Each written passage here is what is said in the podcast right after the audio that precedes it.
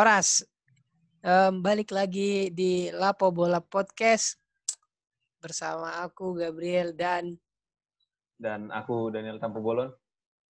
Oke, jadi ini sebagai kelanjutan podcast kita setelah beberapa lama. Um, biasa di episode kali ini kita bicara bicara bola-bola yang udah udah dimainkan kemarin ya bang tadi ya, malam. Pas akhir weekend kemarin. Ya, eh, akhir weekend tanpa international break selama Maret ya, Bang? Sampai bulan Maret, ada empat bulan nih kita. Nah, sampai empat bulan kita nonton klub, bisa lah podcast ini sering-sering muncul ya. Mantap. Ya, eh. Oke. Okay. Um, kita preview match aja dulu ini, santai-santai. Kita Liga Italia. Kayak mana ini? Pertama ini Milan ini, Bang. Menang. Gacor Ibra. Ya, kemarin lawan Napoli ya satu tiga. Iya bang. Ibra uh, kan gol pertama gol duanya Ibra kan? Yo i nggak nggak ngerti lagi aku sama Ibra ini. Umur umur udah 39 tapi performa rasa umur 30 bahkan 20-an lah bang. Bahkan 20-an bah, bahkan statistik, statistik dia lebih lebih tajam setelah umur 30 kalau bang. Kalau kamu pernah baca Uh, apa mak maksudnya kira-kira apa itu bang? Itu misal, maksudnya kalau di umur um, lewat 30 dia lebih banyak cetak gol. Jadi umur 30 sampai ke bawah um, golnya lebih sedikit lah kita bilang. Makanya ini Ibra ini makin tua makin jadi ya. Tua-tua keladi. Gol ini. Hmm, tua-tua keladi. ya, itu berkat dua golnya ini uh, ya walaupun cedera dia ya rugi rugi juga Milan. Tapi um, berkat hasil ini masih kokoh di puncak, Bang. Iya. Jangan lupa juga dia baru beliin PS5 sama teman-teman setim. Iya. Bukan pakai filter ya, Bang? Bukan pakai filter. Emang nggak main-main Lord Ibra ini, Bang. Lord Ibra, Bang. Emang nggak bisa. Gak tahu lagi mau bilang apa kita. Jauh lah. Mungkin terus um, kita balik ke balik kita pindah ke ibu ibu kota. Tim sekota mereka Inter bang, comeback ini bang. Gimana kira-kira? Ya, kalau kalau melihat skornya sih kayaknya hujan gol ya dan kalau kita lihat hmm. lagi ternyata golnya di babak kedua semuanya dan Yoi. Inter ketinggalan dulu 2-0 ini kali. Iya bang, betul. Ya, Tap bagus lah Inter ini ya. Ya tapi um, kayak belum belum matang aja ya bang kayaknya squad ini ya. Kalau padahal kalau kita lihat nama-nama squad Inter cukup dalam loh bang. Iya, gimana ya? ya. Kalau misalkan ya kalau Liga Italia ya wajar lah ya mereka ya kita bilang lah lima tim terbesar di Italia. Tapi ya di Liga Champions juga mereka hmm, keteteran ya. Iya, keteteran. Sepakat. Maka ya aku aku nggak tahu lah ya pelatihnya. Tapi kalau kita lihat nama-nama pemainnya kan Lukaku, Alexis Sanchez, ada Lautaro di tengah ada Raja Nenggolan, terus apa Ivan Perisic baru balik dari Munchen. Backnya juga ya tapi memang backnya asli yang di situ ya. nggak nggak tahu juga aku asli yang ngapain di situ. Ya, kipernya Handanovic juga. Mungkin kurang matang aja ya bang. Gimana menurut abang? Uh, kalau khusus Inter ini menurutku apa ya emang ya sistemnya uh, Antonio Conte ini dia kan terbiasa dari dulu kan semenjak di Juve kan mainnya tiga empat tiga kan. Iya, iya Bang. Ya, kalau di Inter sekarang sih dia mainnya tiga lima dua kan, tapi cenderung tiga empat tiga juga di mana Lukaku sama Lautaro berdua di belakangnya mungkin ada Eriksen maupun Arturo Vidal. Jadi mm -hmm. menurutku dia tergantung sangat Antonio Conte ini sangat apa ya? Sangat konservatif gitu loh. Nggak mau dia mm. mengubah sistem yang yeah. dia suka gitu melatih kan. Mm -hmm. Mungkin ya Betul. harus harus nyoba ya formasi-formasi lain menurutku. Ya zaman sekarang kan lebih cenderung pakai empat back di mana dua back sayap itu mungkin nanti asli yang atau Alexander Kolarov kan bisa yang main di wing gitu loh. Jadi jangan terlalu memaksakan sih menurutku kalau main tiga empat tiga. Hmm. mungkin juga pem- komposisi pemain di back ini ya bang kayak penempatannya juga kayak belum pas juga gitulah kira-kira Ya, mungkin itu itu itulah buat Inter Milan ke apa belum maksimal lah sekarang posisi 5 di Liga Italia ya bang Iya benar. Oke, justru yang kulihat em, yang permainannya meningkat juga AS Roma ini bang. Itu Mkhitaryan itu cetak gol itu beberapa dua pertandingan terakhir cetak gol loh bang. Hendrik Pemain buangan Arsenal. MU dan Arsenal ini. Lumayan. Kalau dari dulu kan dia sebelumnya kan di Dortmund juga kan Gap sebelumnya. Iya bang. Ya dari dulu aku udah impress sih sama permainannya. Tapi betul. emang kayaknya di Liga Inggris nggak cocok aja ya nah, permainan kayak Hmm. dia. Ya tapi terbukti sih emang ya permainannya dia kalau bukan di Liga Inggris ya which is sekarang dia ada di Liga Italia ya tergolong bagus juga, tergolong dimanfaatkan secara maksimal lah di AS Roma kan. Mm-mm, Betul betul betul. Eh, mungkin ada apa? Teman-teman bermainnya juga mendukung kan? Nah, ya, Pedro juga masih masih bisa bersinar lah di sana mungkin Edin Dzeko kepemimpinannya dan Lord Smalling kita di sana betul betul. Ya khusus aku eh, ini ya ke Pedro Rodriguez ini dulu ya ya, sebagai fans Manchester United sangat sangat apa ya zaman 2011 kan yang final Mhm. Wembley. Salah satu pencetak gol kan Pedro kan dan iya dan itu golnya menurutku sangat bagus loh. Penempatan syutingnya, timing. placing ya bang Ah, iya dia yang taruh ke kanan kan, sedangkan Van oh iya iya iya. Eh, bahkan sebelum ke Chelsea isunya ke MU kan bang ya, pernah bang dengar pernah pernah juga.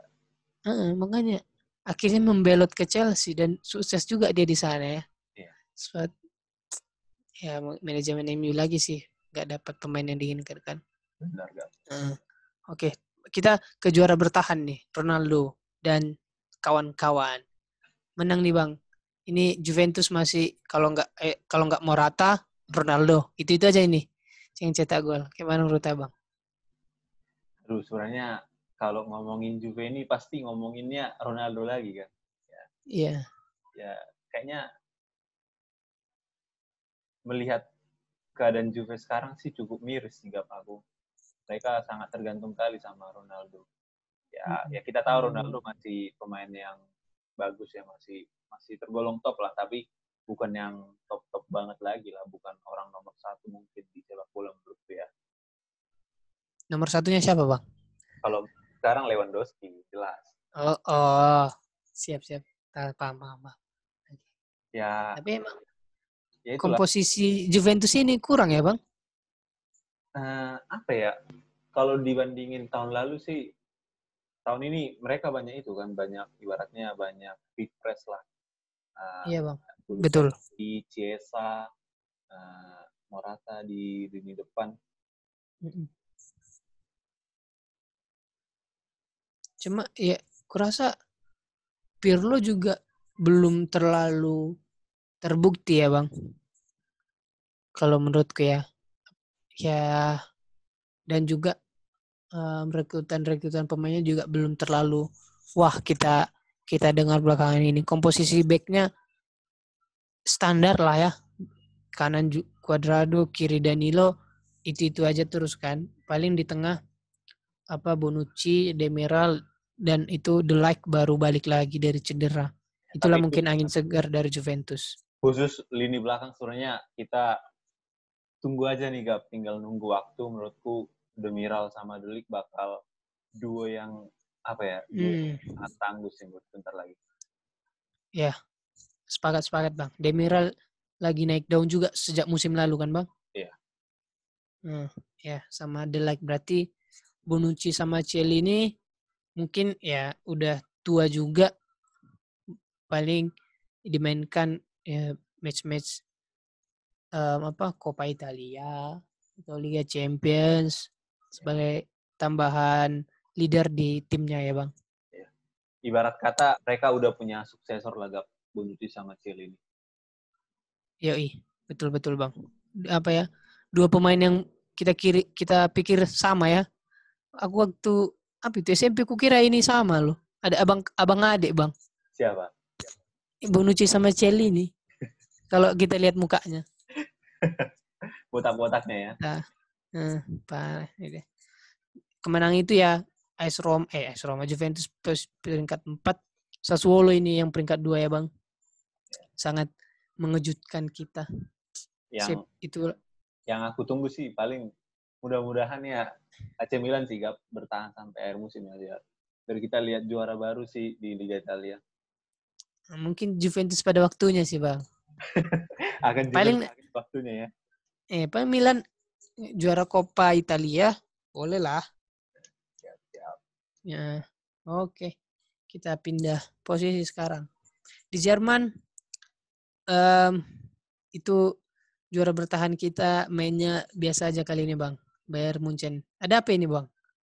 Ya, Imbang ini di kandang satu-satu. mungkin pertama jangan kita lupakan ya Gap ini masih belum jauh antara pertandingan eh, Jerman lawan Spanyol dengan Hmm, Bayern ini kan. Ya which is Iya. memang sih nggak nggak berkaitan langsung tapi ada beberapa pemain yang main di Jerman dan main di Bayern Munchen. mm-mm. Kalau kita lihat juga di formasinya sebenarnya menurutku emang sih ini campuran pemain muda dan pemain tua ya. Kayak misalkan mereka memainkan Musiala, terus mereka juga memainkan Douglas Costa Kom- awal, Koman ya bang. Kings- Kingsley Coman dan eh, aku nonton sih permainannya Gap.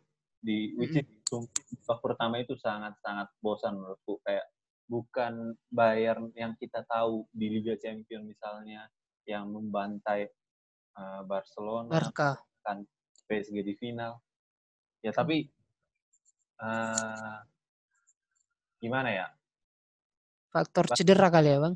ya Bayern ini apa udah udah biasa lah menang-menang kayak gini pun sebenarnya ya mungkin faktor kelelahan faktor baru ketemu lagi kan setelah dua minggu nggak bermain lagi ya ini Hmm. ibaratnya pemanasan-pemanasan gitulah. Ya, tapi emang ini Bayern Munchen kan tertinggal lebih dulu kan, Bang? Iya. Kok komposisi belakangnya itu tetap loh. Ya, cuman ganti Lucas Hernandez, ganti Alfonso Davies. Mungkin di em, bagian tengahnya ya, kehilangan Kimmich sama Thiago sangat berpengaruh ya, Bang. Eh, apa ya aku heran sih melihat Bayern Munchen mau melepas Thiago kemarin sedangkan lini tengah mereka menurutku ya kehilangan Thiago ibaratnya menghilangkan kekuatan utama mereka Ya, betul, Bang. Tapi ya mungkin ada cerita lah di balik Thiago itu juga kan. ya bisa jadi mungkin ya mungkin udah bisa lah kita cari kita cari kita lihat Bayern Munchen bakal mendatangkan satu dua pemain lah ya ya tampaknya mereka lagi menyiapkan hal itu ya Gab.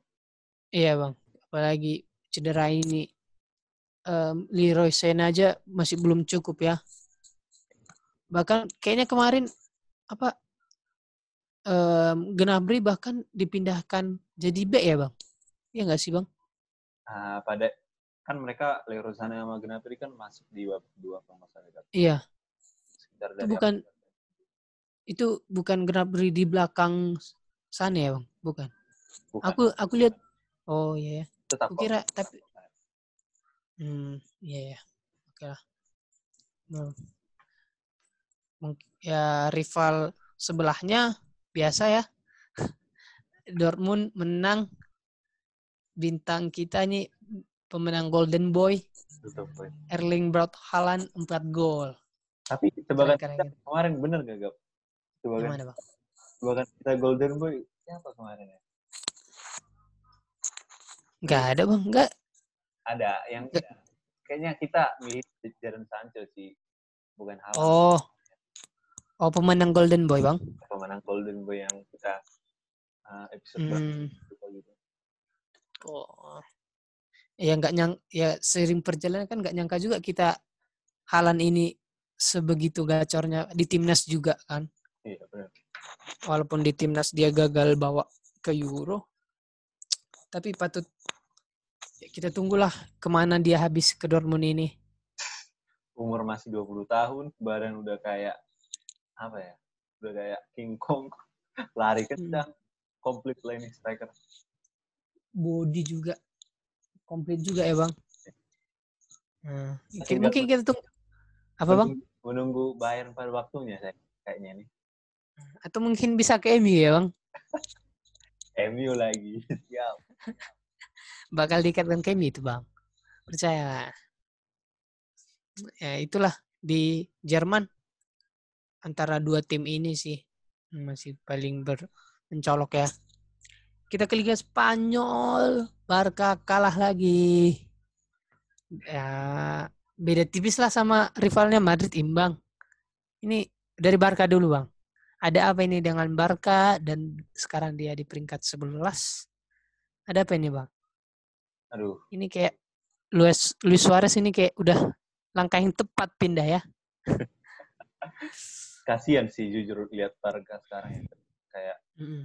kayak kehilangan marwah kalau mereka klub besar gitu loh. Ya. Kita Betul. tahu kita tahu mereka ya beberapa mungkin 20 tahun ke belakang ya sejak kita mulai suka sepak bola pasti yang ada di top-top eh, Liga Champions kan Barca kan. Tapi Mm, Top Lihat- top melihat- liga juga ya bang. top liga juga melihat keadaan mereka sekarang apa ya banyak banyak yang kurang ya. Mungkin juga banyak permasalahan di internal Barca ya ya kita tahu sekarang kan mereka ditinggal eh, siapa presiden mereka itu kan kemarin dan Bartomeu. Bartomeu yang kita tahu katanya banyak bikin permasalahan-permasalahan di internal Barca bikin eh, pengeluaran Barca juga yang sangat besar kan. Terus apa em, setelah Luis Enrique itu kan Valverde ya bang. Valverde itu masih masih kuakui masih lebih bagus dari pelatih-pelatih setelahnya. Itu kayaknya peran peran pelatih ini juga berpengaruh ke Barca loh bang. Sama kayak MU sih menurutku bang. Setelah dari em, Ferguson ya pernah juara em, FA Cup Luis Van Gaal, Jose Mourinho, wah, Europa League. Tapi emang permasalahan em, di Barca nggak segede yang di MU kan bang, Ya. langsung anjlok, anjlok gitulah kita bilang. Ya, di Barca ini setelah Valverde justru makin kacau. Kayak tanpa Neymar juga, tanpa kita dengar lagi transfer yang wah dari Barca. Kayak kayak mana kira-kira menurut abang ini? Ya, ya. kalau kalau melihat dari sisi pelatih emang eh, pasti ada pengaruh ya, tapi ada juga faktor-faktor lain juga menurutku. Tapi khusus mengenai pelatih sejak zaman Valverde emang udah mulai apa ya? Aku bilang udah mulai kelihatan bahwa Barca itu bakal turun sampai sekarang kan. Iya bang. Ya kita lihatlah which is eh, kemarin terakhir lah Setien kan yang ya siapa siapa yang nyangka lo Barca kalah 8-2 dari Bayern Munchen. Ya lalu betul. kejadian tersebut kan sebenarnya bikin bikin ya, banyak banyak permasalahan permasalahan Barca itu jadi kelihatan banget kan ke uh, eksternal baik itu ke publik maupun Iya. ke media-media lain. Jadi jadi eh, kasihan kasihan dan miris juga sih aku lihat Barca ya harapanku sih ya udah saatnya Barca memikirkan ulang sih gimana nanti mereka berkembang lagi ke ke jati diri mereka sebagai klub besar. betul betul betul. Eh, Messi juga kita lihat udah nggak nggak semangat nggak bertaji lah ya bang. Kita bisa kita bilang. Iya. dan beberapa pemain juga ya bukan kayak pemain Barca lagi sih. Pokoknya pemain yang ada di situ lah. Kayak Dembele terus Coutinho juga.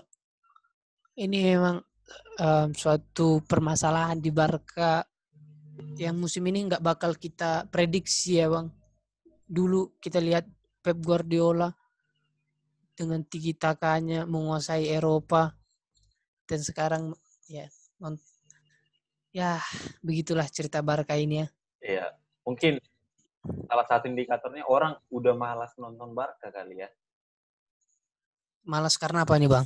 Karena permainannya juga udah udah ya udah Beda biasa, ya? Udah biasa orang chat ya udahlah kayaknya udah gitu-gitu aja emang permainan. Betul betul. Iya. Em, apa? Nggak ada lagi koneksi kayak kita lihat Messi dan Dani Alves ya? Iya. Itu. Dulu kalau uh, baru-baru ini juga kayaknya ya, yang mungkin Hmm. yang Alves mem- memberikan komentar kepada Sergio Des kan katanya. Kalau uh, Mm. kau bisa memberikan uh, masukan kepada Sergio katanya, ya berikan aja bola itu kepada Lionel Messi. Ya itu Messi ya. membuktikan emang koneksi antara Dani Alves Messi itu ya menurut Kuat, salah gitu ya. satu terbaik dan terkuat lah sampai zaman sekarang ya duo back sayap dan pemain sayap.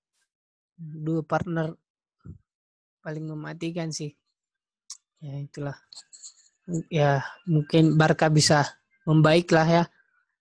Harapan kita Teman teman rivalnya Madrid juga mulai redup juga ini bang. Sama-sama redup sih sebenarnya ini bang. Iya. Kayak mana kira-kira terakhir imbang penalti. Ini dua pertandingan terakhir apa dari dua pertandingan terakhir itu kebobolan 5 gol dan empat di antaranya itu penalti. Ini ada apa ini? Jadi dulu kayaknya Real Madrid yang sering dapat penalti ya musim lalu ya. Kali ini mereka kena karmanya ini bang. Gimana menurut abang Madrid musim ini? Iya ya. Be- eh, khusus Madrid sama Barca ini kayaknya emang ada case khusus memang mereka. Betul.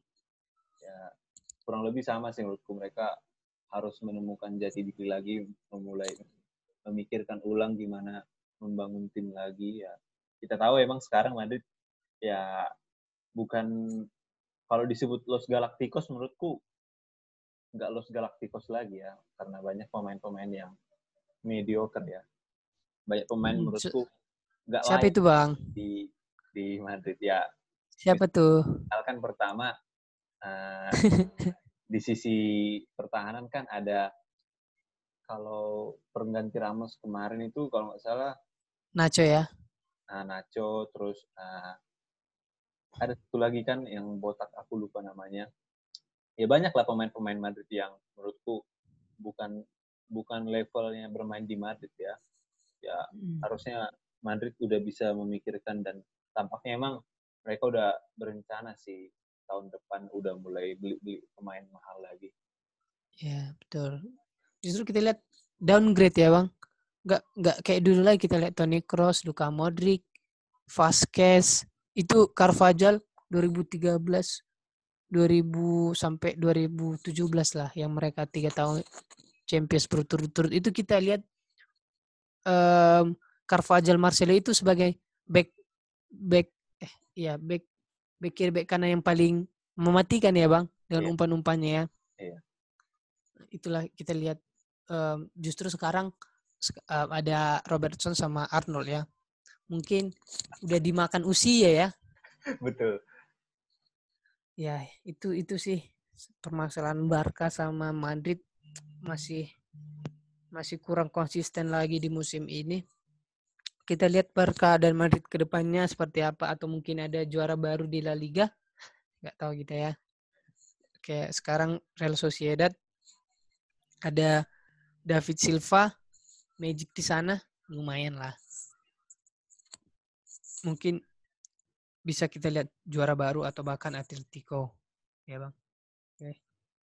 Kita sekarang tinggalkan lagi La Liga, kita ke liga paling ketat persaingannya musim ini. Ada Liga Inggris. Match, match day awal kita dibuka oleh suguhan kemenangan Chelsea. Gimana Bang? Komentar Anda?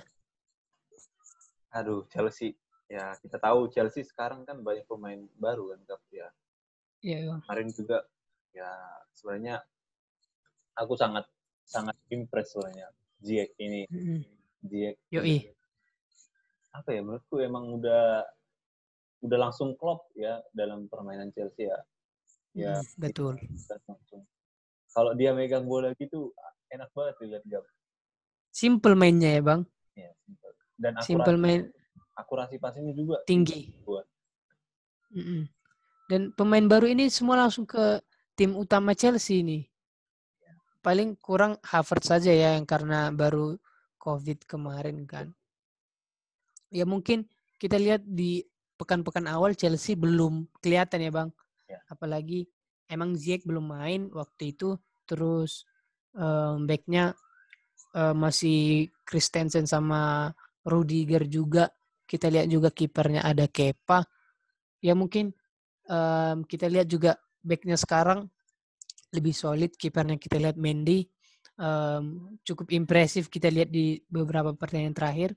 Calon calon kuat juara kah ini bang Chelsea ini? Jujur aku kalau membandingkan dengan top six lainnya, aku lebih impress ya Liverpool pertama, Chelsea menurutku nomor Hmm. dua. kan. Iya, bisa lah ya bang. Tapi sulit juga ini kalau salah satu backnya ini cedera ya. Bakal cerita lain atau bahkan Ziyech cedera dan itu Mason Mount itu anak emas di Chelsea dan di timnas dan aku nggak tahu sebenarnya apa spesialnya Mason Mount ini loh. Iya, mungkin itu juga sih yang menjadi keuntungan bagi Chelsea ya. ya kita tahu uh, banyak tim yang pemain-pemainnya cedera ya, tapi ya di Chelsea sendiri ya minim ya masih masih ya kita tahu Havertz masih cedera tapi masih sedikit lah yang cedera tapi ya mudah-mudahan jauh sih menurutku uh, pemain-pemain Liga Inggris ya mungkin juga Chelsea janganlah sampai uh, terkena cedera-cedera yang bisa menghancurkan karir maupun ya merusak kedalaman tim. Betul bang, jarang kita dengar ya bang. Mungkin ya balik lagi ke kayak ke gaya kepelatihannya mungkin nggak kayak Jurgen Klopp juga yang kita kenal bahasa uh, ketat kan kayak gitu. Mungkin um, bisa kita bisa lihat Chelsea ke depannya bakal tetap di top 4 Liga Inggris ya bang. Iya, aku sepakat. Yoi. Klub klub London lainnya ini Tottenham lawan kota Manchester. Ini ini kayak skor yang terduga sih. Kalau menurutku kalau Abang gimana, Bang? Menang 2-0 lawan City nih. Terduga berarti ya. Aku jujur aku nggak nggak nggak nggak menduga bakal menang 2-0 Tottenham. Nah, iya, iya. Ya, Ya. Efektif ya, Bang? nggak nggak paham lagi lah aku lawan kalau Tottenham ini memang melawan tim-tim yang uh, punya inisiatif menyerang ya. Ini apa em, klasik Jose kali ya? Apa tuh? Ini ya, pokoknya cetak shoot 2 gol, cetak shoot 3 gol. Pokoknya klasik Jose Mourinho lah kalau kita lihat, Bang. Iya benar. benar. Kalau lihat statistiknya 22 tendangan dari City, satu pun nggak ada yang gol. Itu nggak tahu lagi kita bisa bilang apa ya. Dan De Bruyne di lawan Liverpool kemarin anjlok, sekarang lawan Tottenham juga nggak bertaji. Kenapa ini dengan City, Bang? ya. City juga sebenarnya menurutku hal yang paling fundamental ya kehilangan David Silva sih. Nah, mereka Hmm. menemukan pengganti yang tepat buat David Silva. Bernardo Silva sebenarnya harusnya diplot ke City ya, tapi kayaknya performanya menurun dari tahun lalu ke Iya, betul. menurun. Ya mereka juga nggak siap sedia, misalkan kayak Aguero sekarang yang cedera, mereka mendatangkan Ferran Torres yang menurutku masih belum belum belum belum bisa klop langsung ya. Padahal padahal kemarin eh, Ferran Torres hat trick loh lawan lawan Jerman ya, Jerman di eh, Nation League. UEFA. Mm-mm. Ya mungkin tinggal menunggu waktu aja sih ya. Mudah-mudahan ya City kembali lagi ke tahtanya, kembali lagi ke Yoi. Mm-mm. Ya, apa kita tahu juga City baru beli back Ruben Dias, belum belum terlalu kelihatan sampai sekarang ya bang. Mm. dia menurutku eh, solid ya, tapi kayaknya emang belum terlalu klop aja sih bermain di City. Mm, Sering ketet itu keteteran counter attack loh di gol kedua. Itu dia. Bek kirinya juga kita lihat Joao Cancelo ya. Kita belum lihat em, Mendy di beberapa pertandingan terakhir atau Zinchenko ya. Iya. Itu juga ya beberapa kita lihat juga ada bek kanan dipindahkan. Contohnya juga yang lain Danilo ya bang, Iya. menggantikan Alexandro kan. Itu juga ya nggak tahu sih kayak mana permainannya. Menurutku Joao Cancelo berhasil lah, tapi belum belum maksimal lah bang. Menurutku ya. Sepakat, Itu sepakat. aja sih. Mau em, kiper Ederson juga menurun. Gak kita lihat lagi save-save-nya gampang dibobol. Itu sih kalau kulihat City belakangan ini. Nah, itulah untuk match. Kita pindah ke rival sekota. Itu MU juga menang sih. Tapi ya itu P lagi. P, P, P. Cuman ini bang, belum ada goal open play MU kita ini. Aduh, sebenarnya udah udah apa ya? Nah, udah dalam tahap itu ya, Bab. Udah malas nonton MU. Gimana aku bilangnya? Mainnya mainnya gitu-gitu aja. udah ud- udah balik ke era LVG sih menurutku bang.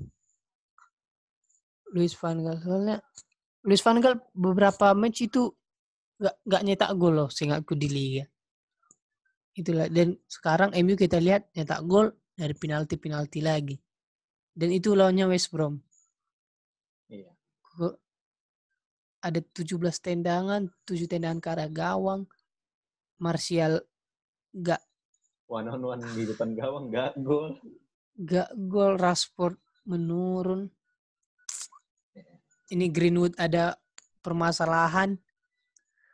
Ya mungkin apa berita baiknya buat kita untuk sementara itu mungkin Maguire udah mulai solid ini bang. Ya udah mulai solid setelah kartu merah yang pernah terakhir di em, timnas. Maguire udah mulai solid. Mungkin Fred juga eh mulai solid lagi. Bakal gantiin Pogba atau siapa lah gitu ya bang. Alex Telles juga dikasih waktu bermain. Alex Telles lumayan ini bang kemarin. Iya, Ngirim. Alex Telles Hmm. sebenarnya kalau kita mau bermain menyerang gap lebih cocok dia menurutku. ya, tapi sering ketinggalan sih posnya kurang bang. Nah, iya, itulah ah, yang disiasati dengan menempatkan si Fred ini kan. Hmm, ya betul. Mungkin kayak kita lihat lawan PSG kemarin ya bang, ada Luke Shaw, ada Alex Telles ya. Iya. Mungkin, eh, mungkin ya kita tunggu performa MU lah. Mungkin dari West Bromwich ini kita lihat udah mulai banyak lah serangan, tapi kurang efektif.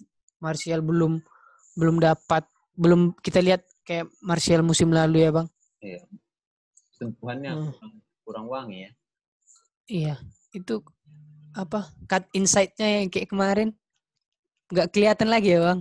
Iya. Aduh, padahal itu masa-masa MU terbaik lah di o- oleh Gunnar ini ya.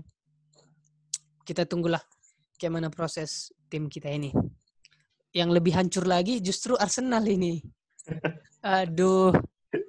Cuman ini bang, itu udah berapa jam ya Saistik itu belum pernah cetak gol dari open play. Terakhir cetak gol penalti itu lawan MU. Komentar Abang, Aduh, Arsenal ini juga ancur-ancuran ya, Gap. Ah, kurang lebih sebenarnya kasusnya sama kayak MU ya. Ah, Ya.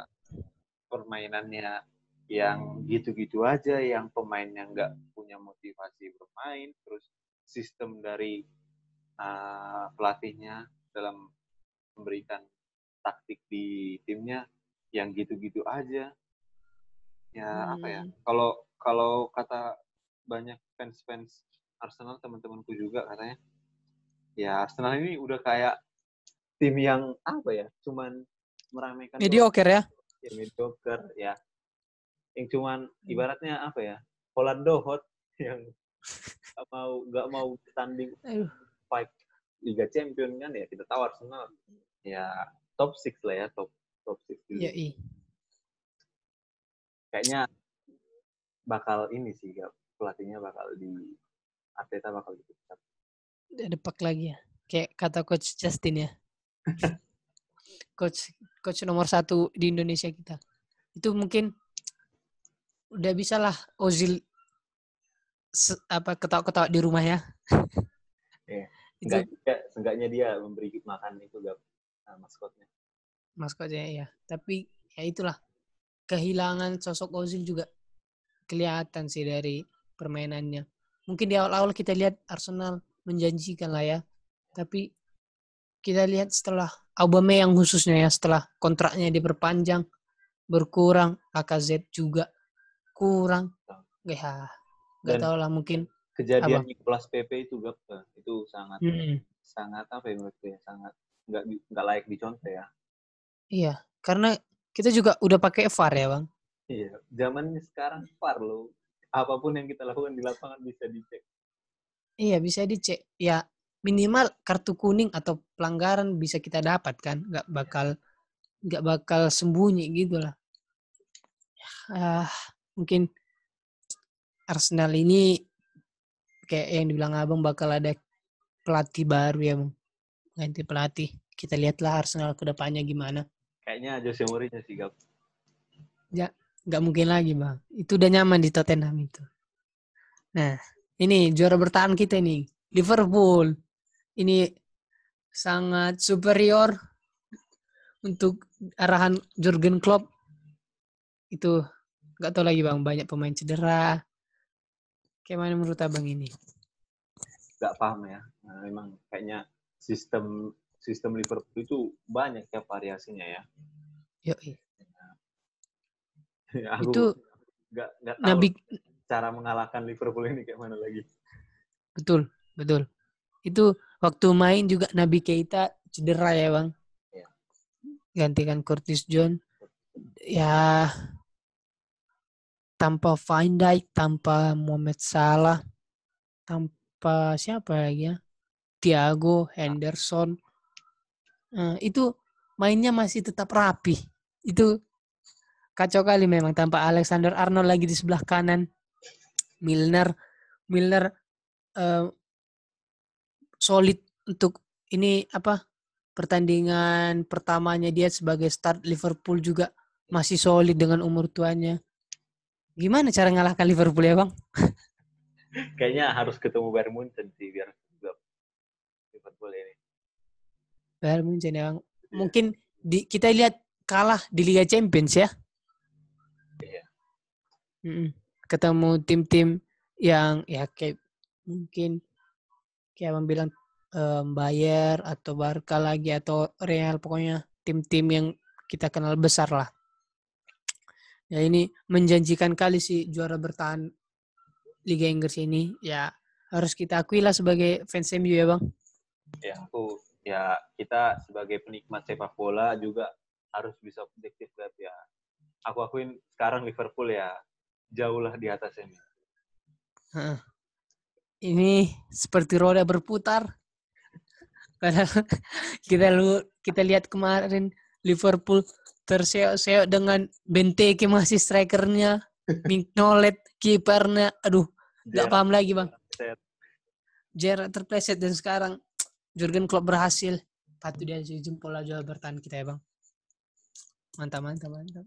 Eh, bakal juara bertahan sih menurutku. Ya, juga sepakat juga. Tottenham ya sekarang itu ya. Kita tunggu aja lawan-lawan tim besar lagi. Nah, apa eh, minggu ini lawan Chelsea ya, Bang? Ya mereka akhir pekan. Hmm, ki- ya, kita lihat eh, Jose Mourinho belum pernah mengalahkan Chelsea waktu dia di Tottenham. Musim lalu juga belum pernah. Ya, kita tunggulah kiprah Tottenham ini kayak mana. Oke. Em, tambahan info juga ada ini, Bang. Apa? PSG kalah tadi malam. Oh, lawan AS Monaco ya? Iya, dan itu comeback. Aduh, jar bertahan Prancis kita ini ya masih masih di puncak sih, tapi kalah loh bang. Iya. Aku melihat melihat PSG juga sebenarnya kualitasnya jauh menurun ya Gap dari tahun lalu ya. Iya, betul bang. Menurun kali eh, backnya juga ya bang. Iya. Sekarang KPMP Diallo dulu ada Tiago. Dulu Marquinhos masih masih dari jago-jagonya ya bang Marquinhos. Mm-mm. Apalagi Diallo yang kartu merah itu, itu sangat sangat apa ya sangat sangat SSB sekali kesalahannya gak? Kenapa tuh bang? Nahan ya? Iya dia dia kan dapat bola dari kiper kayak dari gol. Mm. Terus mm, iya, iya. dribbling jatuh dia yeah. Kartu merah. Final sih Nahan. Yoi. Menurun juga PSG ini sebenarnya. Di Liga Champions pun ah, kita lihat pemain yang sering cetak gol Moiskin ya. Yang paling sering kita lihat juga. Masih standar lah. Emang emang paling paling top di klub sekarang emang Liverpool lah ya bang. Iya.